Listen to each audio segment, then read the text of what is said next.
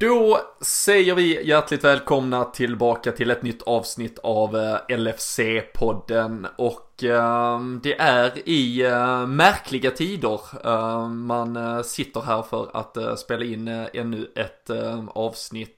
det är väl med viss osäkerhet om och när och hur det kommer att spelas fotboll igen även om de senaste buden är att Premier League löper på som vanligt.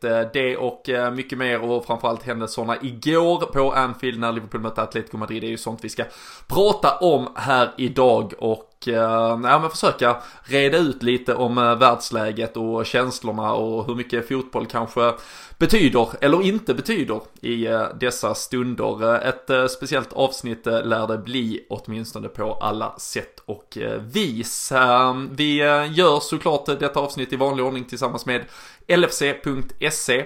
Det är ju där ni hittar den svenska supporterklubben som eh, ja, dag ut, dag in, vecka in, vecka ut, eh, minut efter minut i stort sett. Nu händer det ju väldigt mycket både på och vid sidan av planen. De håller er ajour hela tiden och eh, tycker man att det är ett arbete som är värt att premiera och om man vill vara medlem i eh, den stora svenska Liverpool-familjen då tycker jag också man ska lösa sitt medlemskap där, kostar bara ett par hundra lappar.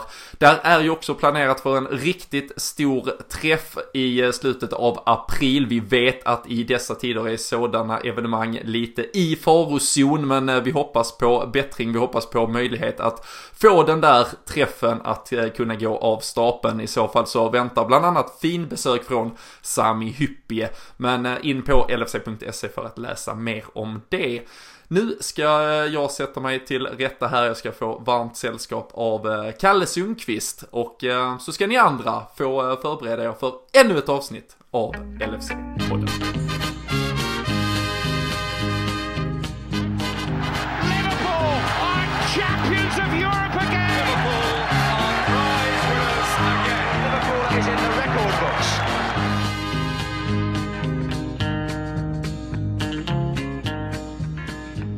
Jajamensan, eh, Kalle Sundqvist med oss från de norrländska skogarna. Hur eh, är läget i, eh, i dessa ganska så turbulenta tider får man väl ändå säga? Ja, eh, nej men det är väl under kontrollen då måste jag säga, trots eh, rådande omständigheter i eh, både ens närhet och, och hela världen. Så att Äh, det är en eh, oerhört märklig situation på alla sätt, både fotbollsmässigt och globalt. Eh, både vad det gäller ekonomi och hälsa och allt vad det nu är. Så att det, det är mycket tankar som snurrar i huvudet nu och eh, inte mindre blev det ju efter lite fotboll igår. Så att det, det finns mycket att reda ut. Ja, men uh, du kan ju uh, se fram emot morgondagen, fredagen den 13 i alla fall och hoppas på att saker blir bättre, kanske. Precis, exakt så jag tänker.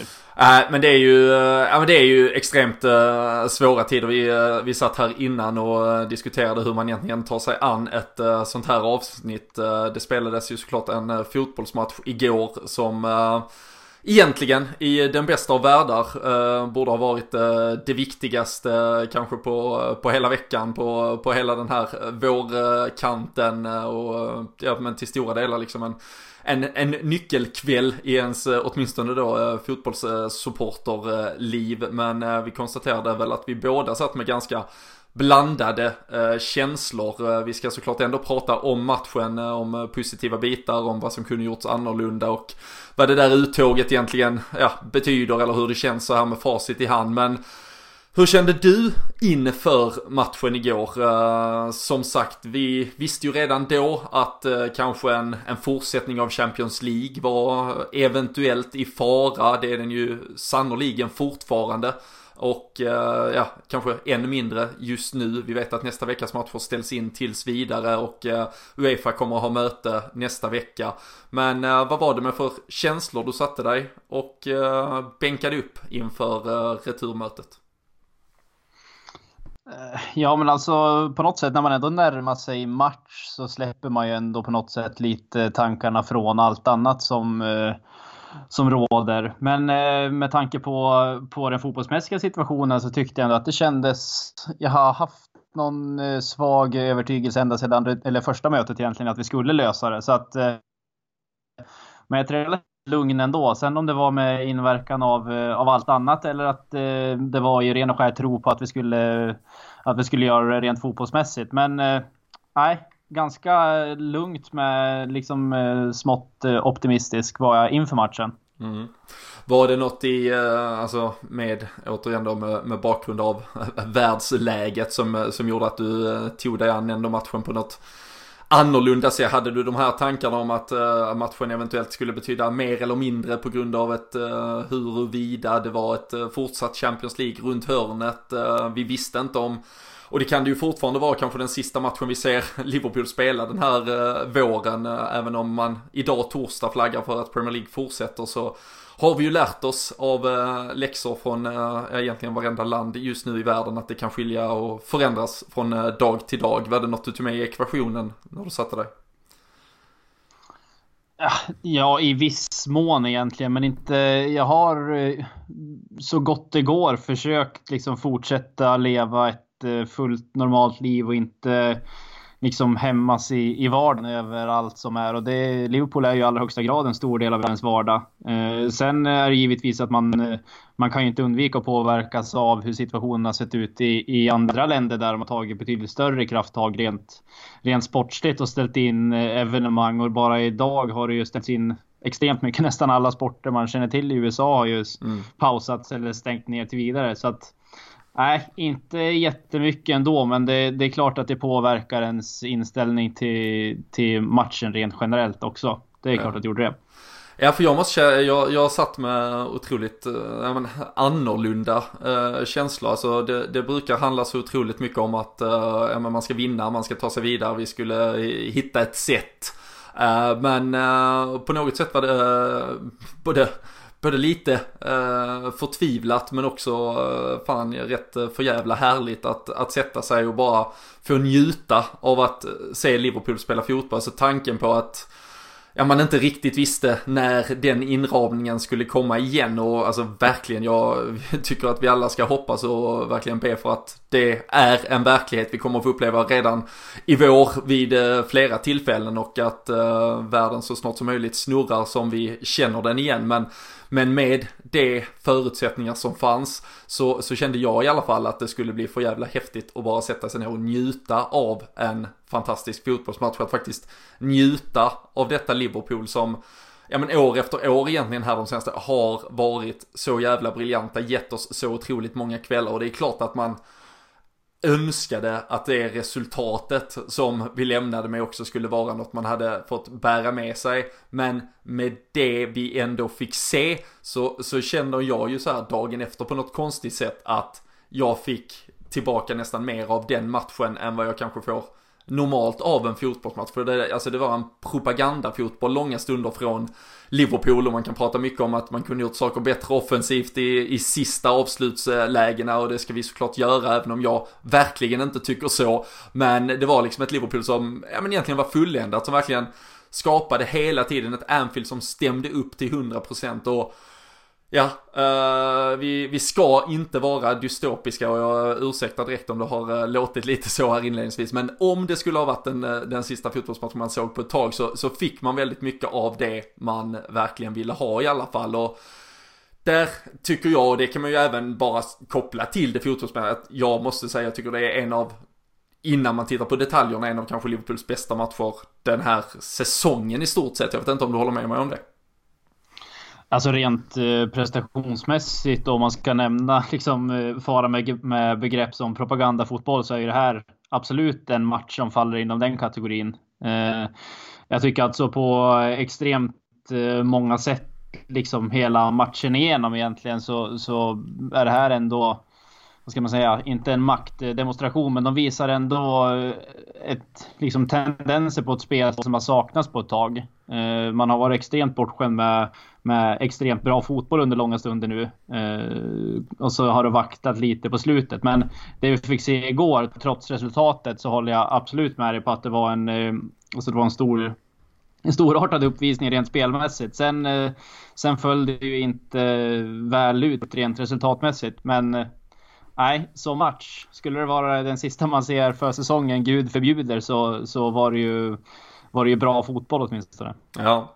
Och eh, vi får väl prata lite fotboll, det är ju trots allt eh, därför vi eh, helst eh, sitter här i alla fall. Och eh, jag hade flaggat för det tidigare i alla fall, men eh, Klopp eh, lyssnade. Han eh, tog eh, det beslutet jag hoppades han skulle ta. Han valde ett mittfält med en tillfrisknad Jordan Henderson ackompanjerad av Gini Wijnaldum och Alex Oxlade Chamberlain kanske ja men kanske matchens eh, två bästa spelare egentligen bredvid eh, Jordan Henderson eh, där som såklart lite kanske hämmad av att han kom till en alltså pådrivare och den ledare vi har saknat. Den rollen fyllde han verkligen. Um, Fabinho, inte numera helt enkelt en del av Klopps bästa lag så att säga. Men man kan väl inte klaga på att han satte elvan fel i alla fall. Nej, absolut inte. Och eh, du nämner ju både Wijnaldum och eh, Chamberlain som jag tyckte var två av planens absoluta giganter matchen igenom egentligen. Eh, Wijnaldum gör ju mål och assist, men eh, nej, extremt imponerad av framförallt Chamberlain för, för den, den extrema typen av match som han gör. Om man tänker på eh, vad man vill ha ut av honom i hans liksom bästa jag så är det ungefär vad man fick se igår. Det är så extremt mycket energi, vilja, framåtanda, liksom alltid ta bollen framåt. Och det är då han är som bäst när han liksom tillåts att göra det. Så att eh, nej, jag håller helt och hållet med där. Extremt imponerad av båda de två. Ja. Och eh, det var ju ett Liverpool som, eh, som verkligen körde från, eh, från första sekund. Även om kanske efter första 17 sekunderna så såg det ut som att vi kunde fått ett, eh, en rejäl uppförsbacke. Då gled Atletico igenom snabbt men sen så var det Liverpool egentligen för hela slanten under 90 minuters fotboll. Det var totalt 65% bollinnehav, eh, 24 skott, eh, varav 13 skott på mål. Det betyder alltså 11 räddningar från eh, Jan Oblak, det mesta av någon i Champions League. Den här säsongen, det säger väl en del, vi hade 16 hörnor mot Atleticos 3 hörnor. Och jag läste, jag har för mig att han är Manchester-baserad, känns kompatibelt med det, men Mark Ogden, en journalist jag läste, han hade twittrat ehm, efter matchen att det var en eh, Simeone masterclass som hade liksom utnyttjat eh, Liverpools eh, svagheter och ja, typ straffat oss där det skadade oss som mest och så vidare. Men det här var väl egentligen en match där det var ett Liverpool mot en Jan Oblak och han visar att han kanske är ja, och utmanar, eller tillsammans med Alison Becker, världens bästa målvakt. Och eh, man läser efter matchen väldigt många som liksom är kritiska mot att vi borde avgjort det tidigare. Men ett Liverpool som gör både 1-0 efter 90 minuter, har 2-0 efter drygt 100 minuter och presterar den anfallsmässiga fotboll mot ett så här defensivt starkt Atletico. Uh, jag vet inte, är man, ja, jag har pratat om den här bortskämdheten kring Mohamed Salah till exempel, men det verkar ju gälla nästan hela vår offensiv och man förväntar sig att det ska gå att göra det ännu bättre egentligen. Ja, det är väl där som, eh, alltså ska man hitta någon form av eh, problematik i att vara Liverpool-supporter eller vissa kretsar av att vara Liverpool-supporter nu så är det att det har ju nivån av eh, liksom en godkänd insats har ju håsats upp till helt eh, orimliga nivåer. Eh, och man ska inte glömma, som du nämnde tidigare, här journalisten som hade pratat om, det är ju lite fallet första matchen tycker jag. att de spelar ju, Där spelar de ju ut Liverpool mer på, på ren taktik. I, igår, då är det ju mer ett extremt eh, drillat defensivt lag givetvis, men med Oblak i spetsen som du nämner. En av världens absolut bästa målvakter tillsammans med, med Allison. Så att det, ah, det, det, stör mig lite grann, eller ganska mycket ofta måste jag säga, att det, det är sån extremt hög nivå som, som det ställs krav på av främst från trion egentligen. Eh, som fortfarande producerar så extremt mycket mål och att det här skulle liksom falla inom kategorin att inte vara en godkänd insats mot det motståndet. ah, jag vet inte. Det känns... Eh, I min värld, om jag säger så då, så är det extremt eh, långt bort från min världsbild. Jag tycker att det är en helt eh, fenomenal insats av hela laget egentligen. Sen att Oblak står där och gör sjuka räddningar gång på gång. Det, det är snarare bara att man ska lyfta på hatten åt honom istället för att kritisera spelarna. Ja men alltså efter första, efter, efter första matchen då var det ju stor kritik mot att vi, även om vi var bollförande, var väldigt hade väldigt svårt med att egentligen alltså, låsa upp dem, att hitta vägarna fram. Vi hade inga skott på mål. Sen att man har tre skott tätt utanför, det, det förtäljer ju inte sådan statistik. Men då satte vi ju inte ens Oblak på prov, alltså då lyckades ju Atletico. Det ska man ju ge dem på alla sätt och vis. Men i matchen igår så försöker de ju spela exakt likadant, men, men lyckas verkligen. Alltså de blir ju ja, overwhelmed uh, brukar man väl använda uttrycket på, på engelska. Alltså de blir ju verkligen uh, tagna på scen. Alltså vi, vi kör ju över dem. Uh, både Simeone, jag har sett uh, Joao Felix var ute och prata om det efteråt att den där Anfield-faktorn som också väldigt många motståndarsupportrar brukar vilja håna och påstå att den inte finns. Den, den var de verkligen chockade av och det, det var ett Liverpool som liksom flöt fram på ett, på ett helt annat sätt och det tog aldrig stopp. Alltså vi såg ett Liverpool som kanske tog jag har nog aldrig sett oss slå så mycket snabba korta hörnor, snabba korta inkast, Alltså vi, vi satte igång ett tempo där de faktiskt inte riktigt hängde med. Alltså de eh, blev bortsprungna väldigt många gånger. Sen låg de ju såklart så pass kompakt och så pass samlat defensivt att det var ju aldrig så, eller ja, egentligen inga, alltså så många tillfällen där vi fick liksom chansen att attackera på en yta med fart, men just med den finurlighet och finess som framförallt Mohamed Salah tycker jag bidrar med.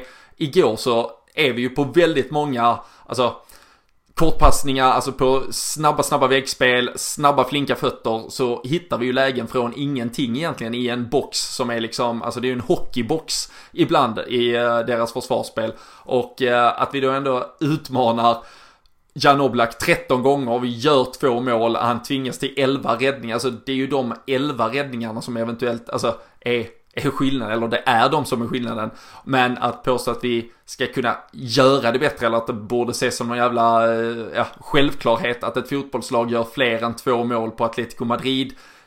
Det tycker jag blir jävligt magstarkt att eh, liksom ja men att ens uttala sig kring och liksom mena på att, ja men vadå, det skulle inte spelat någon roll vad som hände i slutet av matchen, vilket vi ska prata om, för där skulle vi ha avgjort tidigare. Att, att tro att man ska avgöra en match och göra som sagt då två, tre mål mot Atletico Madrid de första 90 minuterna, det, det tycker jag inte är vettigt. Finns det något, vill man göra liksom någon större summering av eh, utfallet och utgången så är det ju däremot att vi kanske såklart skulle ha gjort det bättre på Vanda Metropolitano. Men att vi skulle gjort det bättre igår, det kan jag ju inte, jag kan inte skriva under på det på några sätt alls.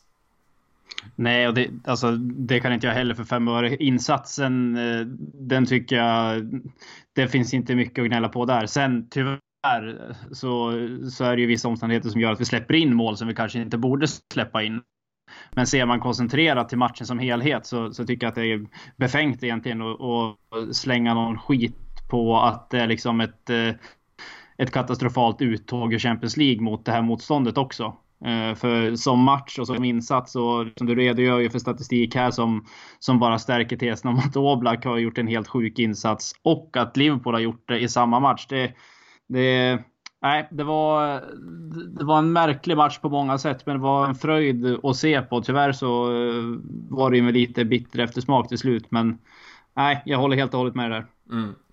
Och eh, vi ska väl komma till, eh, till eh, slutet, vi, vi tar det lite kronologiskt. Man, eh, man måste ju ändå nämna Gino Wijnaldum, som sagt du, du sa det, mål och assist. Men det här med att göra viktiga mål, ofta på huvudet i avgörande Champions League matcher. Eh, det verkar han ha eh, tagit patent på. Eh, det var Roma borta när vi behövde ett bortamål för att stoppa blödningen den gången och Barcelona hemma minns ju alla såklart från i fjol. Men nu var han framme igen. Det känns som att han, han sparar målen till de väldigt viktiga och avgörande skeendena.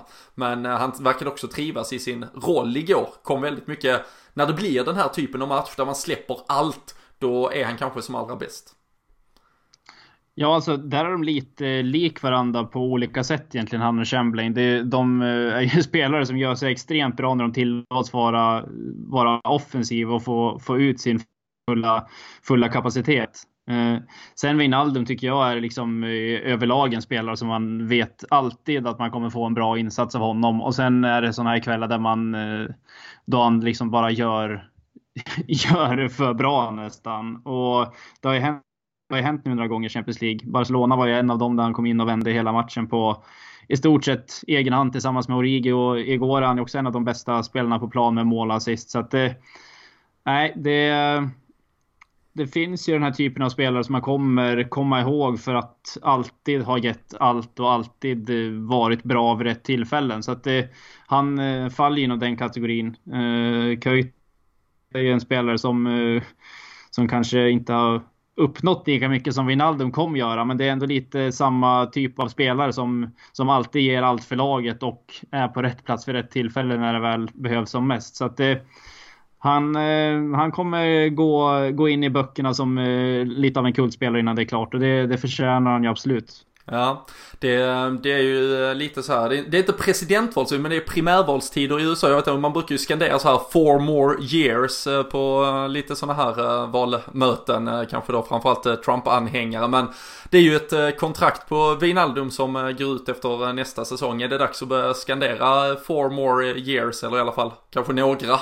För uh, en truppspelare som verkligen håller uh, nivå och uh, alltså ja, truppspelare med det, med, med det inte sagt att han eh, är liksom en, han är ju verkligen en start spelare nu men känns också som att han har potentialen att vara vara en truppspelare även när kanske den absoluta edgen skulle kurva av så att säga. Ja, det är han ju absolut. Eh, och det, det, man får liksom ha lite i åtanke när det gäller den här typen av spelare som är extremt bra nu och kanske har sin peak i karriären och närmar sig en kontraktsförlängning. Det är, om man ser till, till Tottenham och det de har gjort, det är att de förlängde ju med alla de här spelarna samtidigt. Och det kanske inte är rätt väg att gå, men man måste ju ändå på något sätt sondera lite grann i truppen och, och välja att vilka, vilka av de bärande spelarna som, som går mot eller som börjar gå mot en nedåtgående kurva om man säger rent form och, och fysikmässigt så kanske man måste välja ut dem. Och han är absolut en sån spelare som om han accepterar i framtiden en trupproll för att han är på toppen av, eller i stort sett toppen av sin karriär. Jag hoppas att, han kan, att vi kan få ut lite mer av honom men att, eh, att det finns några år till i honom i Liverpool, det, det tror jag absolut. Jag tycker det är jag ganska starkt övertygad om att eh, både han och klubben vill också. Så att det, det är ingenting jag är speciellt oroad över att det inte ska komma fram till någon lösning. Nej, vi, eh, vi håller eh, tummarna där. Några säsonger till. Jag tycker, alltså han är också i, eh, alltså, i ett sånt perfekt skede. Alltså jag tror, dels tror jag att han har både ett och två år där han liksom kan vara exakt så bra som han har varit denna säsongen kvar i sig. Men sen känns det också som att han har kvaliteterna för att ja, men vikariera eh, på, på positioner, kan spela både offensivt och defensivt på ett eh, mittfält. Han eh, kan i absolut värsta fall spela både ännu mer offensivt och defensivt i, eh, ja, egentligen överallt på planen. Lite fylla den lucka James Milner kommer behöva lämna efter sig. Uh, tiden kommer till och med ikapp den, uh, den bästa av dem alla, uh, vad det lider.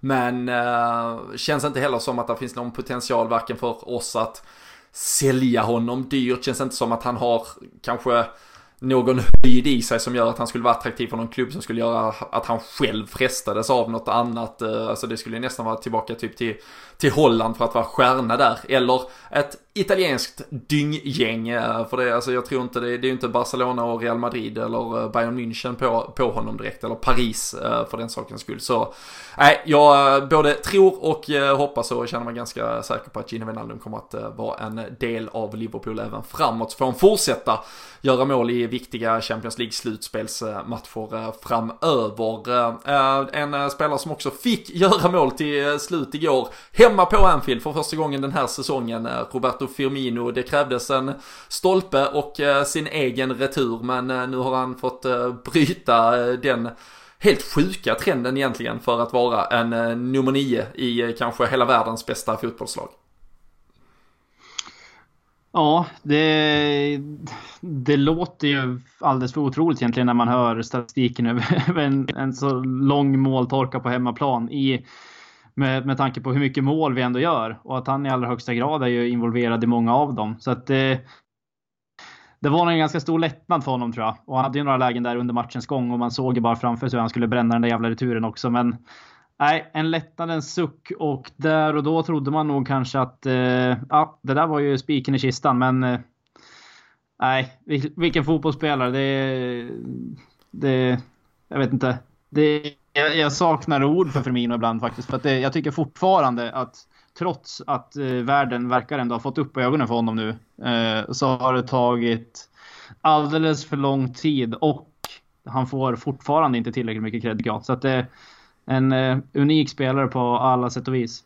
Ja, jag tror vi kan eh, klubba fast att eh, Roberto Firmino, han kan nog helt enkelt aldrig få tillräckligt med cred för hur mycket man än försöker så förtjänar han nog lite till för han är på många sätt och vis den som dirigerar en av de bästa anfalls fotbollsfilosofierna som vi kanske har skådat på ett par decennium i alla fall. Och Ehm, även om eh, äventyret eh, tog slut igår och även om det var det första uttåget ur ett så att säga dubbelmöte i ett eh, Europaslutspel under ledning av Jürgen Klopp så är det ju en, ja men det är ju en streak på så sätt, även om denna säsongen i sig är något så har vi finalen och segern från Madrid från förra året. Vi har finalen i Kiev från året dessförinnan. Två år dessförinnan det så var vi i Basel och spelade om Europa League. Det har varit Europa League, alltså Europa-äventyr som egentligen har gått i ett under uh, Jürgen Klopp och han pratade ju efter matchen om att uh, ja, I hope you enjoyed the party och uh, ja men partyt kommer tillbaka redan uh, nästa säsong. ja, partykungar, Europakungar, det någonstans tar det stopp. Vi eh, var tvungna att förlora till slut i ligan, Kalle. Vi var tvungna att till slut åka ur eh, Champions League. Eh, eftersmaken, bitter eller kan du leva med det långa det ändå blev med tanke på att vi i så många år stod utanför att överhuvudtaget få vara med på den här scenen?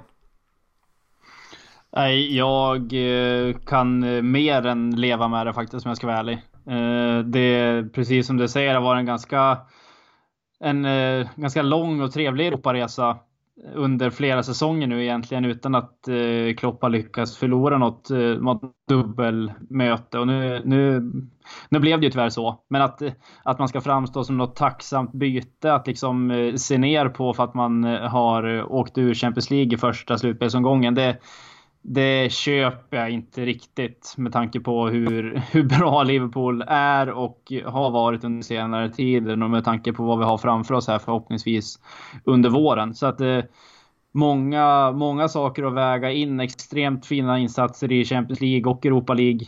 Alltså om man ser historiskt något år tillbaka nu och vilken resa vi är på i, i, i Premier League så gör det lite enklare att, att eh, svälja den här förlusten. Så att det för mig, ah, det låter kanske konstigt att säga, men det gör inte så jättemycket. För att hela mitt mål med den här säsongen och stora ambition har varit att vinna Premier League. Och det kommer vi nu göra. Så att det, det är väl eh, tröst nog i min värld att eh, kunna ta en förlust och sen eh, gå och inkassera en efterlängtad Premier League-titel. Jag vet ja. inte hur, hur din känsla är. Håller världen på att rasa samman totalt efter ett uttåg? Eller? Ja, det, det, gör den ju visserligen kanske. Det, det men äh, inte min äh, fotbollsmässiga och äh, känslomässiga värld rasade absolut inte igår.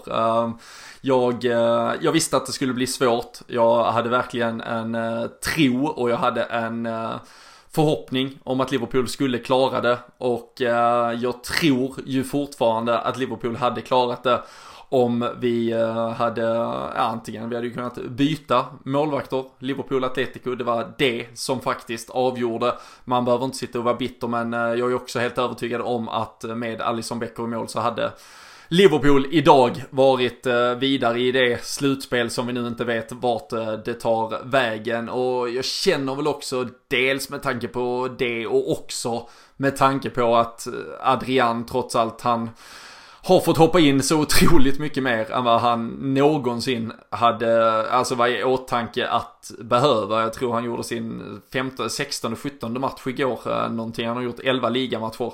11 segrar där. Eh, man kan absolut peka på att eh, hållna nollor inte har varit så många men han har trots allt varit sista utpost i matcher där vi ibland har fått gräva fram en eh, seger. Han har i vissa matcher gjort eh, fenomenala räddningar. Han har kanske vunnit oss några ligapoäng i lägen där det verkligen var viktigt att vinna ligapoäng. Och igår Nej, där har han en riktigt, riktigt dålig dag på jobbet. Eh, vi, vi har ju båda två pratat med vår kära kollega, men framförallt kompis Jocke Lundberg som var på plats igår. Han sa också att alltså, vädret var ju katastrof. Alltså det, det kändes som att det haglade i eh, sidvindsstorm i stort sett och att eh, hantera det och spela i det och han hade stått och eh, förfrusit egentligen i, vad var det, 104 minuter eller något innan han då väldigt dråpligt först äh, sätter upp bollen helt fel i gapet och äh, när äh, sen skottet kommer så har han egentligen inte varken hunnit till position och han tar ju inte rätt. Jag vet inte om han riktigt snubblar till lite eller halkar till i alla fall men han kommer ju inte iväg och, och sen ser ju såklart även de ja, både tvåan och trean ganska billiga ut men där har ju matchen någonstans redan förlorats. Så det går att säga väldigt mycket och jag tycker väl, vill man vara en person som ska hitta anledningar till varför vi förlorade igår och varför vi åkte ut, just om vi koncentrerar oss till den matchen isolerat. Jag tycker fortfarande att det är kanske första mötet där det finns mest att hämta ifrån egentligen så, så är det ju absolut klart mer det individuella misstaget än den offensiva kvaliteten för jag tycker vi gör en så jävla bra match. Men faller på målsnöret på grund av att vi inte har den kvaliteten längst bak som ja, som Atletico har eller som vi normalt har. Men med det sagt så finns det inget att säga om det egentligen längre.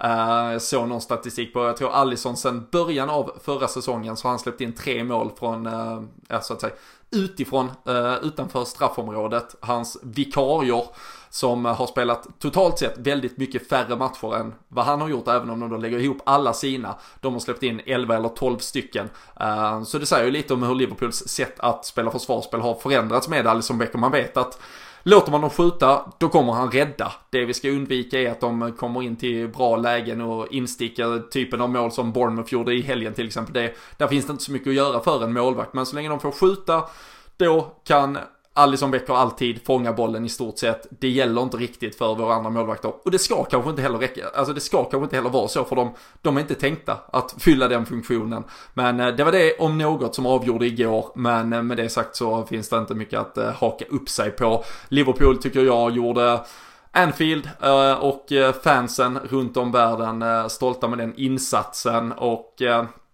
jag skrev det igår på Twitter, jag menar det verkligen. Jag hoppas att eh, Champions League på något sätt verkligen spelar slut för eh, jag kunde, alltså det insåg jag igår också när vi förlorade den matchen att vem fan bryr sig egentligen? Det är ju de där kvällarna man har tillsammans med med sina vänner. Eh, man eh, samlas på pubarna, man samlas hemma hos någon, man åker på resor, på upplevelser. Eh, det är så jävla mycket mer än 90 eller 120 minuters fotboll och det, det, det är för jävligt när, när det nu ser ut att bli så otroligt många både tomma läktare kanske på sina håll, även om det nu ser ut att bli fullständiga restriktioner istället. Och eh, ja, dels tävlingar som inte kan avgöras och eh, ja, helt enkelt upplevelser som kommer gå eh, förringat eh, kanske. Men ehm, fotbollen är, den är fin, men eh, den är lite tuff att eh, hantera just nu kanske. Uh, men uh, ska vi prata lite om framtiden och vad fan som händer Kalle? För du uh, poängterar ju ändå att Liverpool kommer vinna ligan. och det ser väl ut som att vi kanske får möjlighet att göra det. Men ja, hur känner du kring all den oro som ändå ligger i luften med, du nämnde, det är redan inställt i stort sett överallt annars. Men England har som målsättning att pinna på ett tag till.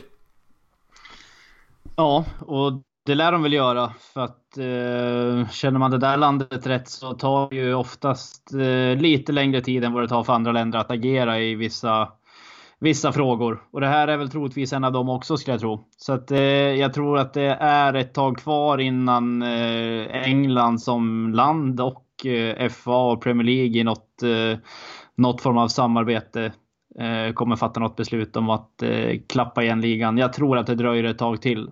Eh, jag tror eh, innan man kommer till något sådant beslut så kommer han nog ta steget till att spela inför tomma läktare och så vidare. Så det, det kommer nog ta ett tag till. Eh, det här är ju rena spekulationer givetvis mm. från, från, en, från en lekman i, i Sverige. Men det, jag vet inte. Det är så extremt svårt att sia om någonting. Det enda jag vet är att jag inte är speciellt orolig över mig själv. Jag är mest orolig över att saker och ting man har planerat ska gå, mm. gå åt helvete. Så att, eh, jag vet inte, hur, eh, hur är din eh, framtidskänsla och tro? Ja, ja men för det för just att, att sitta och spekulera känns ju nästan, som jag sa inledningsvis, alltså det, saker och ting förändras ju från, ja men timme till timme. Alltså det skulle ju kunna vara att vi stänger ner här om en stund och så är det vi har sagt inaktuellt eller när någon lyssnar på det så har de kanske stängt ner alla arenor eller eh, gjort eh, det, ja antingen stängt eh, så att säga pausat Premier League eller stängt arenorna eller vad de nu kan tänkas gjort. Och det, det är ju inte upp till oss eller till oss att spekulera i vilka beslut som kommer att tas och kanske absolut inte heller i vilka beslut som är rätt att eh, ta. Eh, det, det, enda vi vet var ju att här under torsdag eftermiddagen så höll ju premiärminister eh, Boris Johnson ett eh, ja, men, tal till nationen eh, med anledning av både Ja men det här med att stänga ner event och evenemang och annat. Han hade ju vid sin sida en statsepidemi demolog kanske det heter. Uh, det är lätt att halka på bokstäverna där. Uh, men uh, någon äldre herre, det brukar de väl vara om vi generaliserar lite. En Sir var han i alla fall, så något vettigt måste han ha gjort här i livet. Och han var ju tydlig med att han, han menade på att det är, ja men, fel beslut att ta att, att stänga ner de här mötesplatserna. Du kan som max smitta två till tre personer oavsett eh, om du träffar då 50 000 eller träffar eh, 50 personer. Så stänger vi de här eh, evenemangen så kommer folk samlas i andra sammanhang och då är det nästan större sannolikhet att du smittar om du sitter instängd någonstans och träffar folk i din närhet. Så det finns ju såklart miljontals olika eh, rön kring eh, detta och eh, vi, vi kan väl bara hoppas att alla egentligen tar tar de beslut som ehm, till syvende och sist kommer vara det bästa för respektive land och att eh, så många som möjligt blir blir friska och håller sig friska eh, oavsett vilka beslut som eh, tas. Men eh, det har ju redan, känner jag, oavsett vad som händer, börjat bli att man känner en viss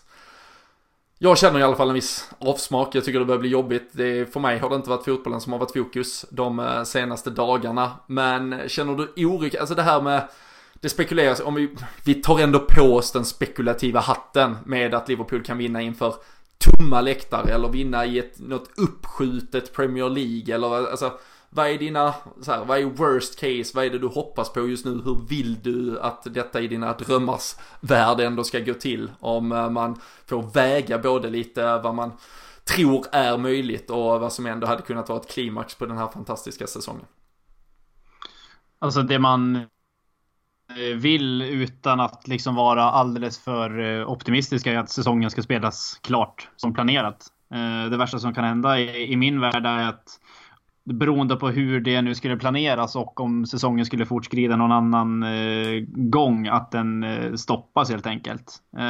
Det vore ju helt bisarrt och skrattretande och extremt roligt för många andra tror jag som skulle bli ganska svårt att hantera. Så att det enda jag vill egentligen är att säsongen ska spelas klart. Sen om det sker att man får möjlighet att vara där de gångerna man har planerat eller att man inte har möjlighet att göra det. Så är det ju i så fall och det är ju ingenting som, som man kan göra någonting åt. Det är bara att acceptera situationen. Men eh, mitt eh, mål egentligen och det jag vill är att säsongen ska spelas klart och att vi får, får vinna Premier League. Skulle det vara inför tomma läktare såklart jävligt tråkigt men ändå eh, vi får i alla fall den titeln vi har längtat efter så länge och det, det är väl det enda man vill ha just nu för att vara någorlunda rimlig i sina förhoppningar skulle jag tro. Ja. Det var, vi kan ju bara ta på vad som, vad som vi verkar eh, veta och, och inte. Det, då är det ju att i så fall eh, helgens och eh, ja, det är ju för Manchester Citys del då hemmamatch mot Burnley. De skulle ju ha mött Arsenal i veckan, onsdag igår då samtidigt som vi spelade Champions League. Den blev ju inställd för att Arsenal hade varit i kontakt med Olympiakos ägare för 13 dagar sedan när de möttes i Europa League. Han gav dem både kicken ur Europa League och så eh, gav han dem eventuellt eh, coronavirus också så det var en jävla eh, nitlott den matchen. Men i försiktighetsåtgärder så ställde man då in onsdagens möte och det betyder att Manchester City då har bara en match kvar här nu innan vi spelar på måndag kväll. De behöver i så fall förlora mot Burnley för att vi ska ha en möjlighet att vinna ligan genom att besegra Everton på Goodison Park. Det det vore ju en utopi. Uh, nu vet vi fortfarande inte vad som händer. Jag och Joakim och eh, Daniel Forsell har ju en eh, planerad resa dit men det får man väl se med lite om och men och hur och vad fan som händer där. Men det lär kanske inte bli verklighet och då skulle det ändå vara att Liverpool behöver vinna för att sen ha matchboll på, på egen så att säga makt hemma mot Crystal Palace. Men det skulle ju betyda, alltså det är omgång 31 tror jag Crystal Palace, alltså det är typ en 7-8 matcher kvar. Om det skulle vara 7-8 matcher, tomma läktare, alltså hur känner du kring att det skulle vara fallet? Och visst, vi blir ju ligamästare, det blir vi. Men eh, hur, eh, ja, hur mycket får ta det av upplevelsen?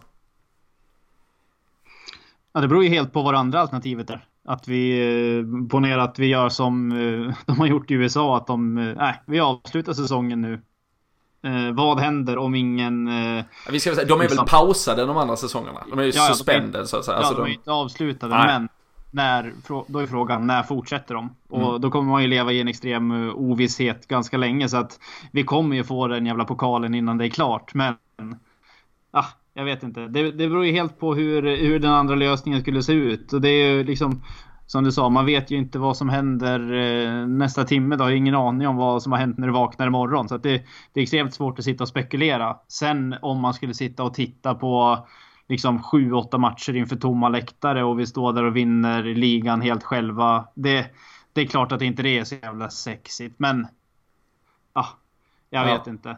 Eh, vad, vad känner du själv? Nej, jag är skitsvårt. Alltså verkligen. Jag, alltså jag har väntat eh, och längtat hela mitt liv på att Liverpool ska vinna eh, Premier League-titeln. Och eh, just nu känner jag en avtrubbning inför faktumet. Jag, jag, jag, hoppas inte det är något som delas med många. Jag hoppas alla är lika jävla euforiska som man, som man ska vara och, och borde vara. Men de här osäkerheterna kring var hur. Jag vet så mycket människor som har liksom eh, bokat alltså den här Crystal Palace-resan och att det ska bli, alltså skulle det vara istället att det att det slutar i så många antiklimax. Alltså fotboll, det handlar om att få göra det tillsammans med eh, folk någonstans. Och det, ja, ja, det är klart att jag, så jag, alltså det är klart vi ska vinna det och vi kommer vinna det och det, det kommer inte vara samtidigt. Jag tycker också det är liksom helt sjukt att, jag, jag vill i alla fall hoppas att man själv hade varit större om det hade varit en själv som hade ja, varit supporter till så att säga ett motstånd. Alltså att man inte skulle vilja, alltså jag tror också så här, skulle man av någon sjuk anledning behöva stänga ner Premier League så hade, alltså klubbarna hade kommit överens om att, alltså Liverpool hade fått den här ligan. Alltså det är inte så att det är fyra lag inom två poäng som i Italien i stort sett. Alltså då kanske man behöver något jävla playoff eller någonting. Det är inte så att man hade börjat spela playoff med topp 6-lagen som är 70 poäng efter oss så att de skulle ha någon chans på att vinna ligan. Alltså så det, det är ju redan klart men det, jag, det, jag vill bara så jävla gärna att det avslutas snyggt och häftigt. Alltså jag tycker det var periodiskt att se liksom eh, PSG igår, slut eh, Dortmund i liksom en sån jävla häftig match som det är på alla sätt och ska behöva stå ute på någon balkong och fira. Och sen finns det ju så otroligt mycket idioti i det då att det ändå samlas 20 000 ute på gatorna om de nu är så jävla livsfarligt att de är inne på arenan. Men det är ju en helt annan sak och äh, skitsamma. Men eh, äh, jag, det, jag tycker det har varit, eh, det har varit avtrubbande äh, lite i alla fall äh, känslomässigt kring äh, den här avslutningen och potentiella scenarion. I en, I en absolut drömvärld så spelas det väl fotboll med fulla läktare den här helgen som kommer och jättegärna hela säsongen. Det är såklart drömmen. Men uh, ska man tro världen och eh, de beslut som har tagits så, så kommer vi väl tvingas till det i England vid, vid något uh, tillfälle. Och uh, då um, framförallt så kommer vi tvingas till det den dagen och vid de tillfällena. Och nu har vi redan hört Brendan Rodgers prata om att Leicester hade haft ja, tre stycken uh, fall där de hade valt att självisolera några spelare för att, uh, ja, i förebyggande syfte och direkt vi, vi hör om att någon har ett par drabbade spelare så kommer man ju behöva stanna upp eh, säsongen. Då kommer det inte gå att eh, spela vidare eftersom de ska då enligt regler karantänsättas. Och eh, det är klart att ingen klubb förtjänar att fortsätta spela en säsong när de blir dikterade till att sätta kanske ett halvt lag eller nästan ett helt lag i karantän. Även om, även om vi har fått spela en del den här säsongen fast att vårt lag inte ens har varit på samma kontinent och så vidare så, så tycker jag väl att det är, är lite fel. Så det är, eh, ja, det är, det är märkliga tider och eh, det är svårt att sia om eh, framtiden. Men om det nu blir eh, fotboll som spelas på måndag kväll så möter vi eh, Everton, Kalle, och eh, oavsett förutsättningar från den där City-matchen så är ju det alltid en jävligt svår nöt att knäcka. Förra säsongen var det ju en sån där riktigt dyngtråkig 0-0 match. Och eh, Carlo Ancelotti har ju faktiskt fått ganska bra ordning på Everton så eh, även om vi rent av kanske skulle ha ett guldläge det är ju inte, även om det är en walk in the park för att komma dit så kanske det inte är det när man väl ska spela där. Nej, det brukar sällan vara det. Framförallt eh, borta så är det ju, alltså de matcherna har ju en tendens till att bli lite mer låsta än vad de brukar bli på Anfield i känslan. Eh, så att Everton borta är absolut ingen, absolut ingen lätt match. Eh, och precis som du säger så har ju Everton ryckt upp sig på, på slutet.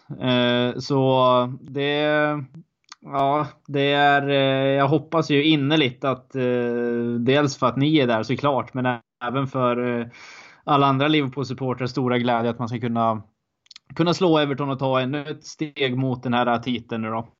Så att jag vill ju gärna ha det avklarat så snabbt som möjligt nu med, med tanke på situationen och om saker och ting skulle uppstå och omständigheter gör så att det, det, det roddas om lite grann i spelschemat. Så att Nej, tuff match, men det, det är precis som vanligt. Man ser ju fram emot derbyn hela tiden tänkte jag säga. Varje gång det börjar närma sig derby så är det ju någon, eh, någon liten darr som kommer dit. Även fast vi har varit ganska överlägsna på under en ganska lång tid så är det ju extremt roliga matcher att se för att det betyder ju så extremt mycket för så många. Och inte minst för, för oss nu då när, det, när situationen är som den är. Så att det... Nej, det är... Eh, Eh, märkliga tider to be a red och to be alive tänkte jag säga. Så det är, ja. ja, vi får väl... Mycket sjukt. Ja, nej, men så, så är det ju och ja, det är... Får väl ursäkta om det har varit lite sådär hoppigt i, idag kanske i förhållande till hur det brukar vara. Det har varit en väldigt hoppig dag här med att försöka samla nyhetsflödet och samla vad fan egentligen fotbollen befinner sig någonstans, var eh, Premier League befinner sig, vilka prioriteringar som finns i, eh, i eh, både livet och idrottsvärlden egentligen. Men vilket hopp lämnar du till att Burnley löser något mirakulöst på Etihad? Nu har ju inte Manchester City något Champions League att oroa sig över då med tanke på att den skjuts upp till vidare. Uh, tror du det blir ett extra laddat Manchester City på grund av det? Eller tror du att de uh, kanske och många därtill, de är ju verkligen fast också i ett ingenmansland. De kommer komma tvåa i Premier League vad fan som än händer i stort sett. Uh, känns som att uppgivenhet bör kunna uh, trängas in där eller har de ändå kraften för att samla sig, tror du? Ja men det, det, tror jag de har. De är ett sånt pass etablerat och professionellt lag så att, att det infinner sig någon form av lättnadskänsla så här i det här skedet av säsongen, det tror jag, det tror jag inte. Eh, sen har, har ju vissa spelare i City varit ute och liksom kanske sagt lite för mycket vissa gånger att de har eh, smått eh, gett upp när, när poänggapet blev för stort. Men jag tror inte att de, eh, de går och, och spelar mot eh, Burnley med någon form av känsla att äh, den här säsongen är ändå över i ligan. Eh, bäst att fokusera på annat. Det, det tror jag inte, för då hade man inte spelat i, i City eller i Premier League för den delen heller. Utan varje match är så extremt viktig. Och tar man på sig matchtröjan så, så tror jag nog att de är stora nog till att, eh, till att gå för det. Och det ska de väl göra. Eh, för min eh, stora plan är ju egentligen att vi ska släcka det här helt och hållet mot eh, Aston Villa på, på podden Away.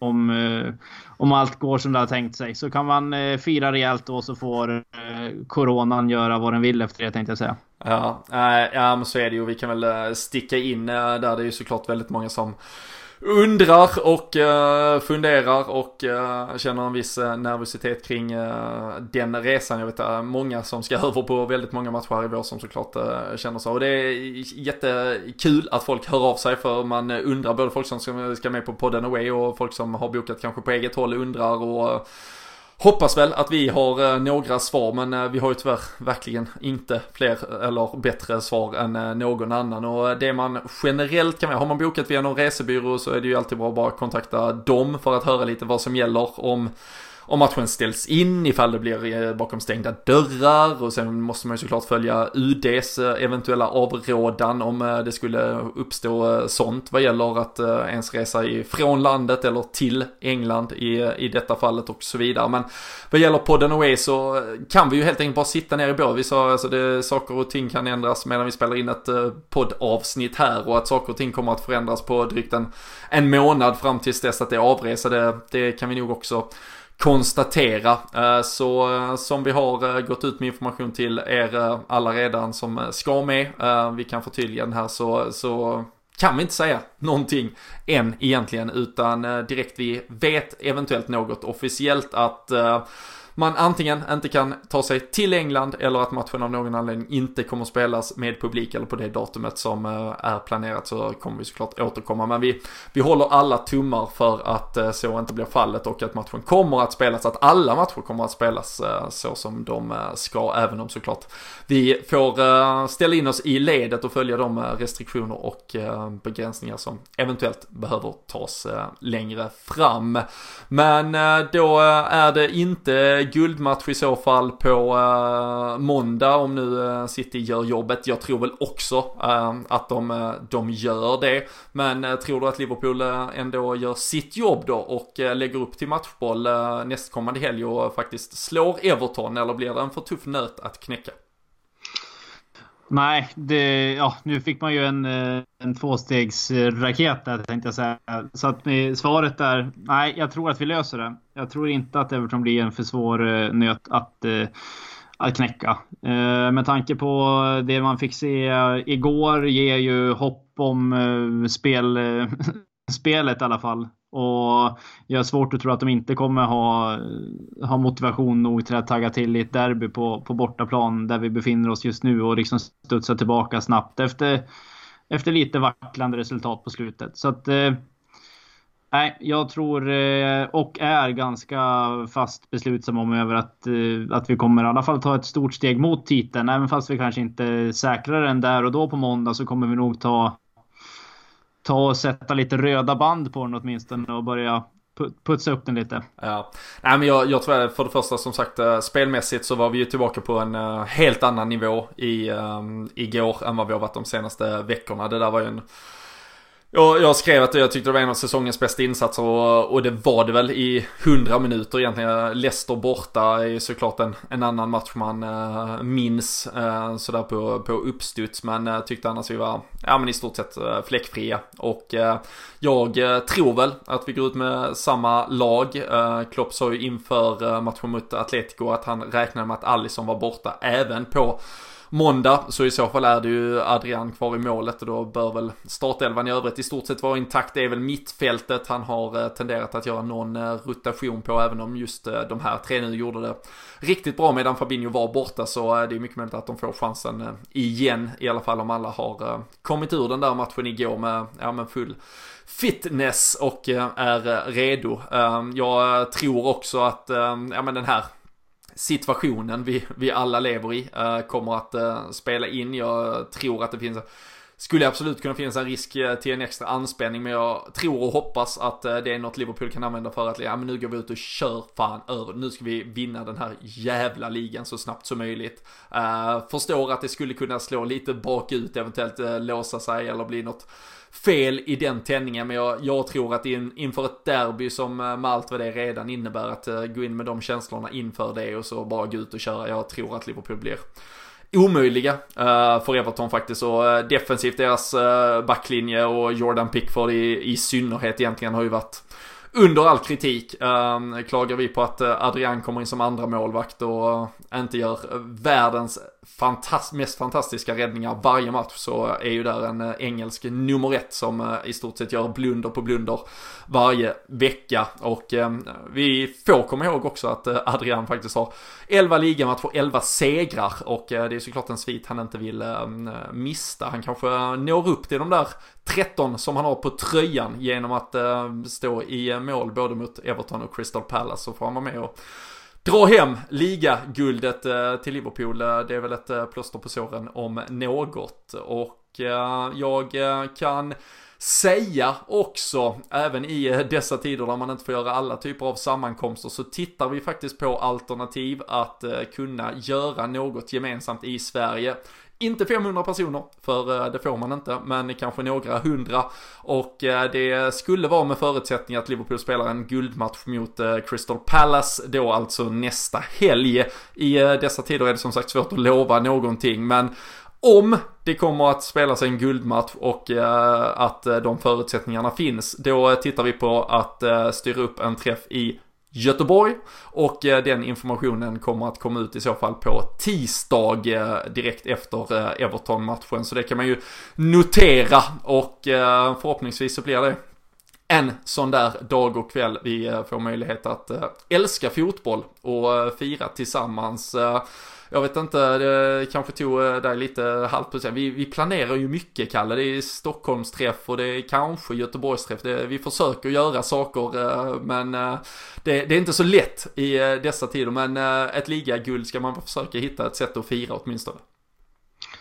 Ja, det tycker jag vi är värda.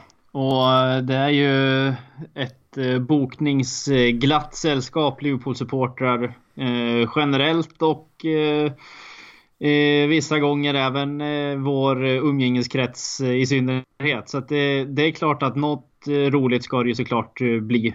Eh, efter en extremt eh, lång väntan och många slitna hårstrån så, så är det väl så är man värd att fira efter bästa möjliga förmåga. Absolut. Så att det, det ska vi ju försöka styra ihop någonting. Ja, och eh, vi, vi, får se lite där, för vi, det är spridda skurar och vi ska försöka samla oss med väldigt kort varsel ifall eh, det här blir eh, möjligt. Men en liten eh, push i eh, fall eh, vi kan få till någonting så, så vet folk om det i, framförallt kanske om man då bor i Göteborgsområdet, men alla är såklart välkomna ifall vi lyckas styra upp någonting. Men det, mycket ska hända tills dess, vi ska hålla koll på om vi får spela fotboll, om det får göras med publik, om Manchester City får spela sin match, vi ska spela vår match, det är väldigt mycket som händer. Men eh, tills att vi hörs igen så eh, får man väl verkligen passa på att i dessa tider säga att ni ska ta extra mycket hand om er, eh, njut om allt som finns runt omkring er, ta hand om varandra, tvätta händerna och